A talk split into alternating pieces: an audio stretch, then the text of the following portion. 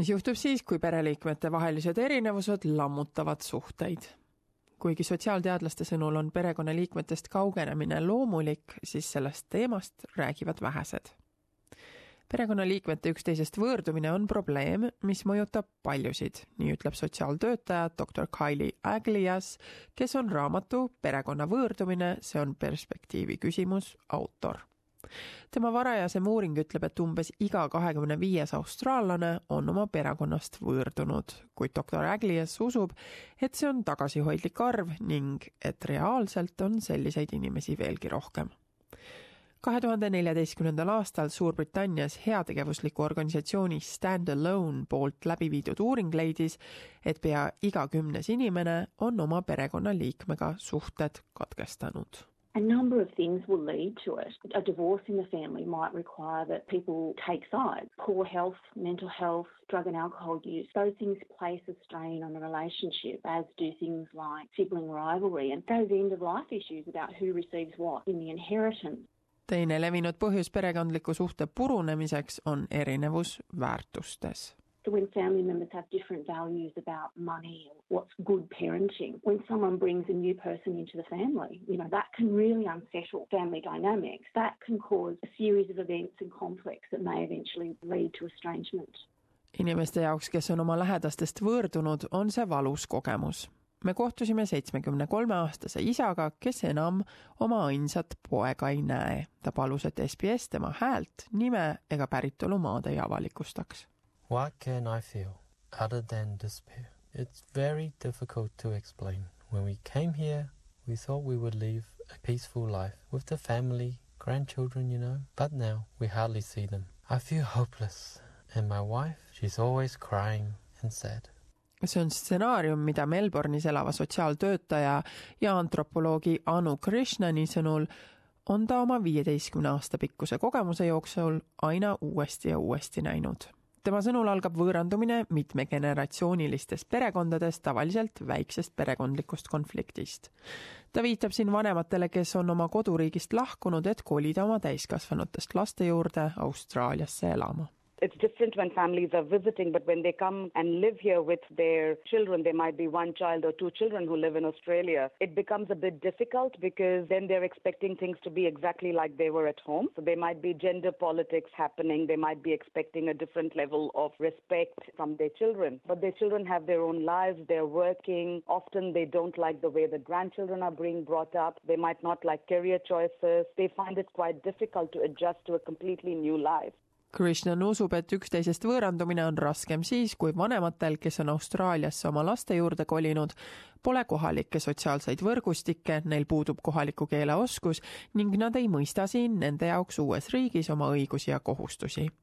kui peresuhe puruneb ning kuhugi mujale pole minna, siis võib elu nende jaoks, kel pole muid valikuid, kui oma lastest sõltuda, selleks et uues riigis ellu jääda, väga raskeks muutuda Many of them are not used to accessing services on their own. They have never accessed Centrelink or Medicare or gone to the local library without their children dropping them and picking them up. So what they often do is they'll try and work around that situation. They'll continue to live in the house. They might do their own cooking. They might just stay confined to one part of the house or to one room. And this can make it quite difficult and often cause serious psychological issues for them.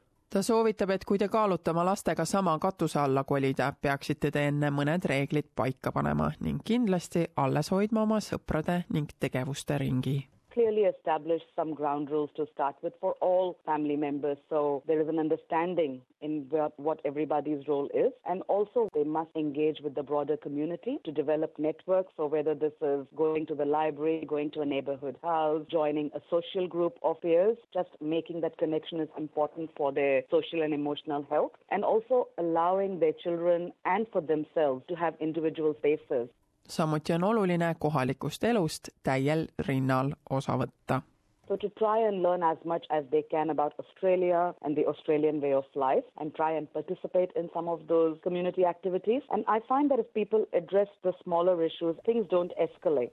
see seitsmekümne kolme aastane isa, kelle kogemusest te enne kuulsite, ütleb, et ta on proovinud absoluutselt kõike, et olukorda lahendada.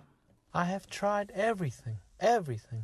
I spoke with my son and tried to reason with him, But these young people, for them, it has to be their way.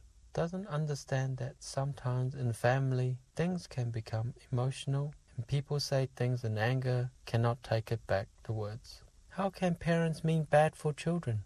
doktor Kaili Aglias on oma töös näinud, et vanemad, kes lastest võõrduvad, tunnevad tihti, et nende kavatsustest pole aru saadud So, you know, our daughter thinks that we interfere too much or we criticise her parenting, but all we want is the best for her. You know, we're doing this with the best of intentions. So while their intentions might be good and while they want to help, the fact is that those intentions are actually causing the other person who may have different values hurt and pain. tema sõnul peavad mõlemad pooled selleks, et ära leppida, tulema õigel ajal kokku people will often try to reunify or try to get back together a little too early. And they might do that when they're actually not ready to hear what the other person's got to say. And they often want their side heard. One of the key things is having that space and that capacity to acknowledge that the other person is hurt without defending and justifying well your actions your beliefs are really important you know people really want to hear that their experience and that their hurt is understood and acknowledged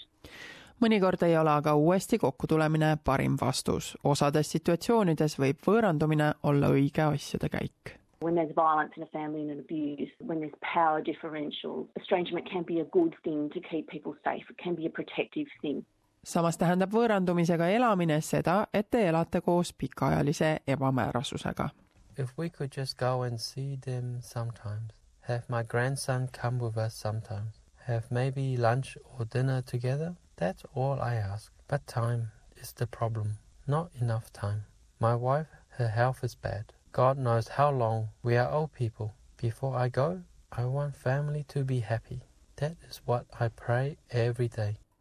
juhul, kui teie või keegi, keda te tunnete, vajab perekonnakonfliktide lahendamiseks abi, siis selleks pakub Relationships Australia nõustamist ning vahendamist. rohkem infot leiate kodulehelt relationships.org.au kriisiabi saamiseks helistage telefonile üks kolm üks üks üks neli